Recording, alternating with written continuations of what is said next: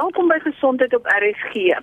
Ek wil so graag wegbeweeg van COVID af, maar ek kry elke keer so baie navrae by die luisteraars dat ek weer eens aandag gee aan COVID. En vandag kyk ons na dit is 5 maande sedert die eerste gevalle in Wuhan, China gediagnoseer is en 'n virus geïsoleer is wat hulle op die ou ende die siekte genoem het COVID-19. Ek gesels ver oggend met dokter Jantjie Taljaard. Hy is hoof van infeksiesiektes by die Tygerberg Hospitaal en Universiteit van Stellenbosch se Mediese Fakulteit en hy is een van die dokters aan die voorfront wat betrokke is by die pasiëntbehandeling van hierdie pasiënte. Baie welkom dokter Taljaard. Hallo Marie, dankie. Dokter Tande later kan ons dalk kyk na wat het die dokters en die medisy intussen geleer van hierdie siekte, weet wat hulle oorspronklik gedink het en wat dalk nou anderste is of wat daar meer inligting van is. Kom ons begin by die eerste ding. In oorspronklik is gesê dit is 'n virus wat baie soos die SARS koronavirus is en dat dit 'n natuurlike virus is. Maar nou daar allerlei gereeldheid daar allerlei teorieë op dat dit dalk 'n mensgemaakte virus is wat per ongeluk uit die Wuhan uh, P4 laboratoriums ontsnap het. Wat is die jongste inligting? Is dit 'n virus? Is dit mensgemaak? Lyk dit natuurlik? Uh, ja, um, um, um, Marie, dit is maar moeilik om regtig te weet wat is ehm um, uh, foknuus en wat is ehm um, realiteit en as mens praat oor oor daai spesifieke um, komponent. Ehm um, my inligting op die oomblik is dat dit regtig nog niks verander het nie. Dit is um, hierdie virusse is soos altyd gesê het baie uh, bekend om om algemeen voor te kom in diere en in virusse oor die algemeen is baie bekend om van van diere af ehm um, oor te gaan na mense toe. Byvoorbeeld die die griepvirus doen dit elke jaar ook. So dit pas heeltemal in by daai teorie. Ehm um, die teorieë rondom of dit mensgemaak is of nie is alles nog uh, maar teorieë en ek dink eh, sover ek weet niks is bewys nie. En natuurlik indien dit werklik so is, gaan dit baie moeilik wees vir enigiemand om die om regtig agter die kap van die byl te kom want dit sal sekerlik hoogs geheim um, gehou word. Ja, ek sien Australië en van die ander lande vra ondersoek na die oorsprong van die virus. So ja, nee, ek kom maar daarom teen die einde lig, weet dat ja. daar iets meer definitief is. Ja, nee, daar is daai dinge wat bietjie buite kan die mediese veld op die oomblik is. Dit gaan nou na 'n uh, 'n uh, uh, ander ander veld toe van politiek amper. Ja. Dan het eh, die inkubasietyd is aanvanklik gestel tussen 2 en 21 dae. Waar staan die jongste inligting en ook met betrekking tot asymptomatiese draers? Wat wat is wat beskou julle tans as die korrekte inkubasietyd en hoe lank kan iemand 'n asymptomatiese draer wees? So dis a, dis is 'n goeie vraag en ek dink daar het 'n bietjie verandering in plase vind daar. Die inkubasietyd is is uh, 2 tot 14 dae, maar die, die meerderheid mense sal hierso teen teen 5 6 dae sal hulle simptome ontwikkel, sou hulle dan 'n simptome ontwikkel. So die gemiddelde inkubasietyd is rondom 'n week in om om soms sê maar daar's definitief mense wat langer inkubasieperiode kan hê en daarom word dit nog steeds as 2 tot 14 dae ehm um, genoem. Uh die die asymptomatiese gevalle daar is nou nuwe inligting wat wys dat daar meer asymptomatiese gevalle is as wat aanvanklik gedink is. Dit is nog reeds bietjie onduidelik. Ehm um, aanvanklik het ons gedink dat dit by verre die minderheid van mense is wat asymptomaties is. Ehm um, rondom 10%, maar daar's nou ehm um, uh publikasies wat uh, spekuleer weer eens dat uh, dit miskien so hoog as 50 of selfs hoër um, kan wees as um, as ehm um, asymptomatiese persone.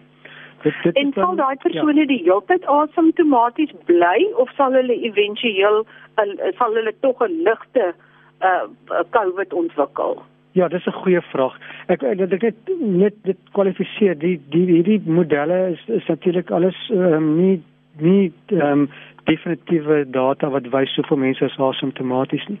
Uh, want hoe sal ons nou weet as hulle asymptomaties is want hulle word nie getoets nie. So hierdie is hierdie is wetenskaplike modelle, wiskundige modelle wat gebruik word om te bepaal as daar so mense soveel mense infeksie het en soveel mense ehm um, infeksie per dag ekstra kry, dan moet daar aangeneem word dat daar soveel ander mense asymptomaties is. So dis net dis modelle.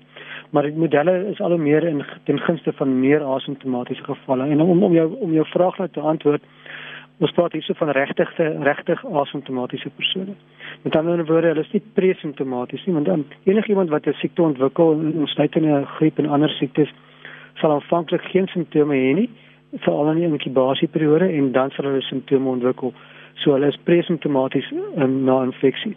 Maar as ons nou van asymptomaties praat met met COVID, um, dan praat ons van die mense wat regtig asymptomaties is. Met ander woorde, van van dit 'n infeksie kry totdat hulle gesond is of die infeksie nie meer teenwoordig is nie, het hulle geen simptome ontwikkel nie. Maar dis alles uh, gebaseer op op, op modelle. En hierdie asymptomatiese mense, kan hulle dit oordra en is hulle super oordraers omdat dit dan so 'n uh, 'n uh, stil en onsigbare uh, draer is, wil ek amper sê. Ja, sê dis hulle kan definitief die siekte oordra. Ehm um, hulle dra dit nie so maklik oor soos iemand wat simptomaties is nie uh, want natuurlik iemand wat simptomaties is as jy weet as jy um, as jy nie sin hoes en ander aan simptome het dan gaan dit natuurlik makliker versprei maar jy is reg dit kan ook omdat omdat niemand weet van infeksie kan dit op 'n manier ook makliker oordra in die sin dat dat uh, mense nie bewus is van die risiko nie en sodoende nie die nodige voorsorg tref nie en dan daarom infeksie kan ontwikkel. Ehm um, maar hulle is definitief minder aansteeklik as as iemand wat simptomaties is as ons net na die aansteeklikheid kyk. Ehm um, die die selfs mense wat wat presimptomaties is daar's nou redelike goeie ehm um, inligting wat wys dat 'n mens is waarskynlik in ehm um, aansteeklik uh, 'n dag um, of miskien selfs 'n kleinetjie meer as 'n dag voordat jy simptome ontwikkel. Ehm um, so jy jy sien net eh uh, ehm um, aansteeklik in die simptomatiese fase en maar ook net voor die simptome ontwikkel. En dan lyk dit of jy En nadat die simptome verdwyn het, is jy dan nog aansteeklik? Nee, en selfs voordat die simptome verdwyn, kan jy sal jy nie meer aansteeklik kan wees nie. So die die die beste die beste data wat ons het is studies wat gedoen is waar hulle die virus kweek. Met ander woorde, as jy hom kan kweek, beteken dit hy groei in 'n medium en hy's nog lewensvatbaar. In plaas van die toetse wat ons doen wat net na die genetika kyk. En, en met ander woorde nie vir sewe wat 'n lewendige of dooie virus is nie en uh, die die beste data van 'n virus wat kan kweek en wat lewensvatbaar is sê dat die, die virus nie vir baie langer as 9 dae lewendig bly in die mens na na infeksie. Nou praat ons van iemand wat 'n uh, uh, geringe tot matige infeksie ontwikkel soos die meerderheid van mense. As jy nou in die hospitaal sou beland en ernstig siek is, dan kan dit miskien langer lewensvatbaar bly omdat 'n mens dan so so erg siek is maar vir die meerderheid van mense so 9 dae. Daarom hou ons by die 14 dae met alhoewel ons het 'n 5 dae ekstra veiligheids um, tyd by om te sê na 14 dae is jy definitief nie meer um, aansteeklik aan ander mense nie. Maar dit is eintlik korter as dit. En in Amerika en selfs in Europa uh, waar daar 'n tekort aan gesondheidswerkers is omdat so baie gesondheidswerkers die, die infeksie kry. Ehm um, het hulle het hulle nou selfs die tydperk vir gesondheidswerkers wat infeksie het uh, verminder na 7 dae dat hulle terugkom na 7 dae uh, kan hulle kom werk weer as hulle net oh, okay. geringe infeksie gehad het. So, daar's al hoe meer uh, bewuswording van dit die aansteeklike periode is nie so lank as wat ons dink nie. In Suid-Afrika ons nog by 14 dae en net om onvalligheid verspeel natuurlik en ook die data is maar is maar min op hierdie stadium. Dis net daai een studie wat ek net pas aangehaal het. Ja, want so so dit vorder kom maar meer en meer inligting uit. Dis en dan as ons kyk in die waarheid na die aansteeklikheid, o aanvanklik het gesê dit is nie so aansteeklik soos measles nie, maar dit is me, bietjie meer aansteeklik as influenza. Is dit nog steeds waar ons staan of ja, maak ja. hierdie asymptomatiese draers gooi hulle 'n uh, 'n uh, 'n uh, uh, aaklige ek wil amper sê spinner in die wiel? Nee nee nee, ek dink baie mense dink hy is so so aansteeklik soos masels of of waterpokkies. Ehm um, ehm um, dit is dit is dit is tienvoudig meer meer meer aansteeklik as as as COVID. Maar COVID is definitief um, op lyk dit vir ons op hierdie stadium meer aansteeklik as griep. Ehm um, en ehm um, die deel van dit is natuurlik ook dat niemand het immuniteit nie. So enige wat aangesteek word sal sal sal die infeksie kry en sal positief toets. Maar ons geen immuniteit natuurlike immuniteit nie. So so baie moeilik om met 'n 'n nuwe virus, 'n nuwe pandemie 'n uh, vergelykings te tref met ou virusse waar daar 'n uh, geskiedenis van immuniteit in die menslike stelsel is. So is baie moeilik om die om om om, dit is nie regtig appels en appels vergelyk nie. Maar as ons kyk na die huidige is dit nog steeds waar dat dit minder aansteeklik is as daardie ander siektes, maar meer aansteeklik as as griep. So dit staan nog. Maar sal die asymptomatiese draers of die pre-simptomatiese mense sal hulle ook positief toets indien mens 'n uh, 'n uh, uh, toets doen? Sal hulle met die en dan moet mens onderskei tussen die genetiese toets wat enige genetiese materiaal van die virus sal toon of die uh, uh of die ander toets wat die virus kweeking het. Sal enige van daai toetse positief wees as mense pre-simptomaties is of 'n asymptomatiese draer? Ja, inderdaad. En net net om te om duidelik te maak dat daar daar bestaan nie so 'n toets waar ons iemand kan toets vir die kweking van die virus nie. Dit is dit is dit is dit is navorsing wat in laboratorium gedoen word en in baie ehm um, um, moeilik om te doen. Uh, maar die toets wat ons doen vir die diagnose sal dan nou die die genetiese materiaal wees, die PCR toets en hy kan positief wees reeds in asymptomatiese persone of mense wat presimptomaties is. Hy het 'n groter ehm um, ehm um, reikwyte van om foute te maak, met ander woorde om vals uh, negatief te toets, met ander woorde daar's nie genoeg genetiese materiaal um, om dit positief te maak nie. Ehm um, in daardie persone wat nie so siek is nie. En dan gaan die die die die ehm um, akkuraatheid op hoe meer simptomaties mense is.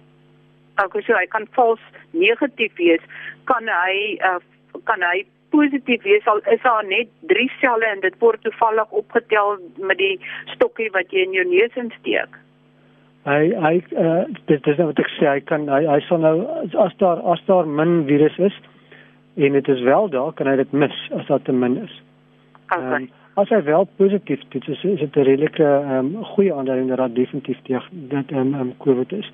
Sy vals positiewe ehm um, ehm um, um, akkuraatheid is is redelik ehm um, laag. Goed. En dan ehm um, kyk mens nou ek het verlede week gesels met 'n pediatriese pulmonoloog wat gesê het as die meeste kinders wat dit kry kry dit lig en hulle is nie soos aanvanklik gemeen is die superdraers nie. Is dit ook wat jy by Tygerberg sien? Ja, ek kan nie sê dit Tygerberg het ons al so baie kinders gesien. Ons het ook kinders gesien en ehm um, in definitief het hulle minder erge siekte. Natuurlik omdat hulle minder erge siekte het, sal hulle nie sommer by Tygerberg opdaag nie. Hulle sal waarskynlik maar by die huis bly en en gesond word. So om om um, ek werk ook nou nie regtig met die met die kinders nie, maar my uh, hoe ek dit verstaan is dat ons sien die, ons sien definitief kinders wat siek genoeg is om in die hospitaal te wees. Dikwels word hulle vir iets anders opgeneem en dan word hulle toevallig ook gediagnoseer met COVID. So ja, ek dink dit is van min of meer ehm um, wat ons sien en wat ook in China gesien is, is dat kinders ehm um, wel infeksie opdoen, um, minder siek word. Ehm um, en ehm um, en nou die nuutste data het gewys dat hulle miskien ook nie so aansteeklik is as wat ons gewonder het oor nie.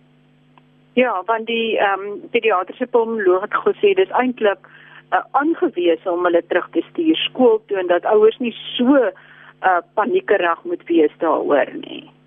Ja, as mens kyk na die kinders self, maar die kinders is natuurlik deel van 'n gemeenskap en die kinders moet teruggaan huis toe en as ouma en oupa by die huis is, kan dit miskien 'n probleem wees.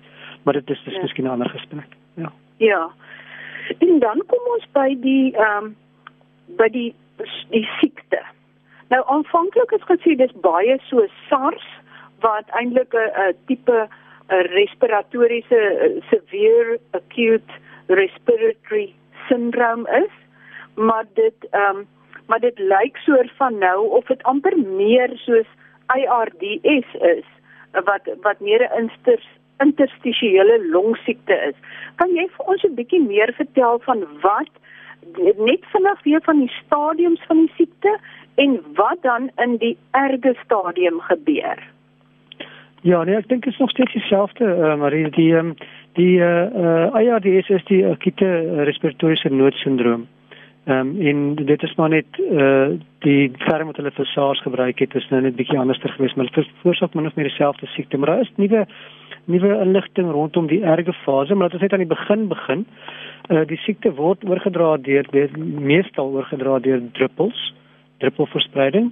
En dit ja. sê of dit direk van uh, van een persoon na 'n ander persoon op die op die in uh, slijmvliese beland of of dan in, uh, as iemand aan aan druppels op oppervlaktes raak dit dan self inokuleer op hulle in hulle neus of mond of of oë. Ehm um, en dit beteken dat die die siekte begin in die boonste lugweë.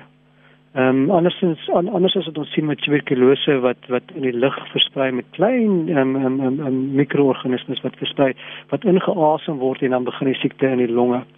So die by verre die meerderheid van mense wat COVID ontwikkel sal begin met 'n boonste ligweg simptome um, en dan sal dit afbeweeg in 'n in 'n sekere persentasie van mense na die longe toe waar dit 'n longontsteking kan veroorsaak.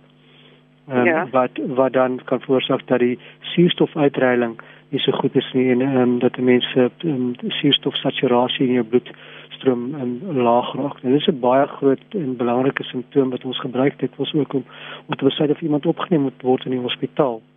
Ons gee hulle polsoximeter dat hulle die die die die die, die suurstofkwaliteit in die bloedstroom kan meet. En sodra dit onder 93% val, sal ons sien nou moet hulle opgeneem word in die hospitaal vir ekstra um, um suurstof. Die normale is bo 96% en, en dan natuurlik kan dit verder vererger ehm um, en die die longontsteking kan vererger. Soos ons almal weet mense kan dikwels geringe longontsteking ontwikkel of 'n erge longontsteking veral ouer mense of mense met immuungebreke of kroniese siektes um, is oor die algemeen meer geneig om erge longontsteking te ontwikkel en, en van enige soort en en dit kan dan oorgaan in 'n uh, wat ons noem ARDS of uh, akute respiratoriese noodsindroom waar daar vog lek in die in die long ehm um, blasies in. En natuurlik as daar baie vog en water in die longe is, dan is dit baie moeiliker vir die suurstof om in te kom en na die bloedstroom oor te gaan. En dit is 'n baie ernstige geval um, saak en dis daardie 'n klein persentasie van mense wat hierdie sindroom ontwikkel. 1% word ge, word ge, um, gedink um, van mense wat opgeneem um, wat die siekte kry en so 5% van mense wat opgeneem word in die hospitaal sal dit ontwikkel en dan moet hulle na die intensiewe sorg gaan vir spesiale suurstofbehandeling en selfs soms op kunsmatige asemhaling. Daar's 'n bykomstige ding wat nou baie meer duidelik raak. Ehm um, verstaan nog nie mooi hoe dit werk nie, maar ons ons sien ook nou dat dat dat mense is geneig tot tot hiperstolbaarheid. Dat hulle bloed makliker stol veral in hierdie laatfase en dit is veral ehm um, ehm um, die die die gewone bloedvate hulle kry ehm um, ehm um, trombose in die bene of hulle kan long trombose kry um, wat natuurlik baie lewensgevaarlik is. En selfs ehm um, ehm um, dinge soos hartaanvalle en en beroertes is 'n bietjie meer algemeen lyk dit vir ons. Nog nie heeltemal seker hoe dit werk nie. Maar dit is een van die groot dinge wat wat wat nou duidelik word as dit 'n hoë risiko is. En daarom sal ons dan ook nou vir mense bloedverdunners gee as hulle opgeneem word as hulle siek genoeg is om opgeneem te word in die hospitaal maar die is uh, dit is uh, in die vir al die mense wat dan hierdie erge graad het wat wat jy amper kan beskryf as 'n tipe ARDS. Ja, dit was die wat die bloeding of die ja. stolsel deel bykom. Die ARDS verwys natuurlik net na die long die longprobleem en die, en die, en die probleem met suurstofuitreiling na die um, na na na die bloedstroom. En die bykomstige probleem wat onafhanklik daarvan staan is is die is die is die verstolbaarheid alhoewel dit ja. meer algemeen is in die persoon wat baie siek is. Maar dit kan ja. voorkom in ander mense wat minder siek is ook. En gebeur daai stolbaarheid ook in die longe uh, of nie? Dit, dit dit dit gebeur in die klein vaatjies rondom die longe ook ja, maar ook dan die lewensgevaarlik is is natuurlik die groot vate wat kan verstop wat is 'n pulmonale embolus. Ehm uh, maar ja, dit sal dit gebeur spesifiek in daai area en en ek dink die die tans dink mense dis maar meestal as gevolg van die hiperinflammatoriese sindroom wat ontwikkel. Dis 'n inflammatoriese respons op die virusinfeksie. So dis nie die virus self wat die hiperstolbaarheid veroorsaak nie. Dis meer die liggaam se reaksie daarteen uh, wat dan eh uh, uh, veroorsaak dat die bloed meer stolbaar raak. Daai sitokinstorm. Dis hou dit verband daarmee. Ja, ja, dit hou verband daarmee. Um, maar nog alles nog o, jy dit mense leer maar nog soos ek uh, al meer uitvind is dat niemand is regtig 'n ekspert nie en ons leer maar almal saam. Ja, dit is hoekom ons gesels om te hoor of daar 5 maande later meer meer inligting na vore gekom het. Maar ek het ek het so 'n berekening gemaak. Uh, tans is in Suid-Afrika 16744 aktiewe gevalle. Met my ander woorde mense wat beskou word dat hulle op die oomblik aktief siek is. En van daai is daar 208 in in waaksorgeenhede. En dit is 1 uit 100 weet wat wat basies wat siek raak wat in die waaksorgeenheid beland. Is dit ook die syfer wat julle sien? 1 min of meer 1% Ja, rondom 1%. Ehm um, dit is ook maar wat ons gesien het van van van al die lande, afhangende van hoe erg die die gesondheidstelsel natuurlik gestres is, uh, gaan die mortaliteit op in daai groep. Ehm um, hoe minder um, goeie mense kan sorg vir mense, hoe minder beddens daar beskikbaar is. Dis kom die mortaliteit aanvanklik so hoog was in in Italië veral en ook in in in New York want hulle gesondheidstelsel is totaal oorrompel en hulle kon nie voorhou nie. Ehm um, ek dink dit is belangrik om tog te noem dat alle almal word nie noodwendig opgeneem in die in die in die waaksorg waaksorg of intensiewe sorgeenhede nie. Ehm um, al is hulle miskien siek genoeg. Sommige mense het het net te veel uh ehm um, uh komplikasies en en ehm um, uh, slegte prognose sou hulle opgeneem word in die hospitaal. Dis niks niks nie, dit word gereeld so as as assessering word gereeld gedoen en en selfs voor Covid en uh, mens wil nie mens wil natuurlik iemand op 'n kunsmatige asemhaling sit as jy net hulle lyding kan gaan verleng nie. So daai is van die moeilike besluite wat geneem moet word saam met um, families en en en, en dikwels het pasiënte natuurlik ook hulle eie lewende ehm um, ehm um, testamente waar hulle sê hulle wil nie kunsmatig aan die lewe gehou word afhang, afhangende van hulle omstandighede nie. So ehm um, die syfers van mense wat opgeneem word in 'n uh, waaksorgeenheid is nie noodwendig uh gelyk aan die hoeveelheid mense wat gaan sterf as gevolg van erge siekte nie. En dit is wêreldwyd so. Ja, watter persentasie wat in 'n waaksorgeenheid beland, gaan er gaan weer herstel en watter uh, sterf? Het het julle aanduiding daarvan? Ja, by ons is dit nog so 50% van mense uh, wat uh, uh wat wat wat wat ehm um, um, hier ontslaan word uit die uit die waakeenheid. Ehm um, en gesond word later. Uh, maar dit wissel. Uh dit wissel ehm um, van land tot land. Meeste lande is rondom so 50%, ander het beter uitslaa. Daar's een een hospitaal in in Amerika wat 'n uh, is uh oor 80% um, herstelsyfer gehad het, maar ehm um, daar jy daar dit dit hang maar baie af van wie jy opneem in jou waakeenheid, hoe siek hulle is as jy wanneer jy opneem. Ons neem natuurlik meer die siekste mense op in die waakeenheid ehm um, as gevolg van die tekort aan beddens. Ehm maar as ons kyk na na Europese um, uitslae ook Duitsland baie goeie ehm um, ehm um, uh, oorlewing in die intensiewe sorg uh, beter as Italië of of of Spanje en so of selfs Engeland. En die meeste mense wat in sima in 'n waakeenheid beland by julle, het hulle dan komorbiditeite. Met ander woorde, het hulle ander siektes wat die situasie vererger, byvoorbeeld diabetes, hipertensie, TB of enige ander siekte wat die situasie kan vererger. Ja ja, dit word nou duidelik dat daardie inligting wat ons ook van van China afgekry het, is definitief um, soos dit so. Hoe meer uh, um, kroniese siektes mense het, hoe hoër die risiko dat jy erge pneumonie gaan ontwikkel of longsteking gaan ontwikkel en en daarom ook die hoogste risiko om in in, in intensiewe sorg te, te beland daar's dit dit is nie 'n 100% reël nie. Daar's definitief mense wat ook in die, in die waakeenheid beland uh wat geen komorbiditeit het nie. Maar hulle is uh, regtig dit is baie minder dit gebeur is 'n lae persentasie. By verre die meerderheid van mense het het het, het bykomstige probleme.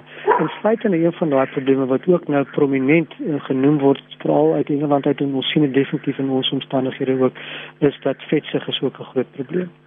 Oorgewig en vetsig um, dra by tot tot tot tot, tot risiko. Sjoe, dit is ontstellend.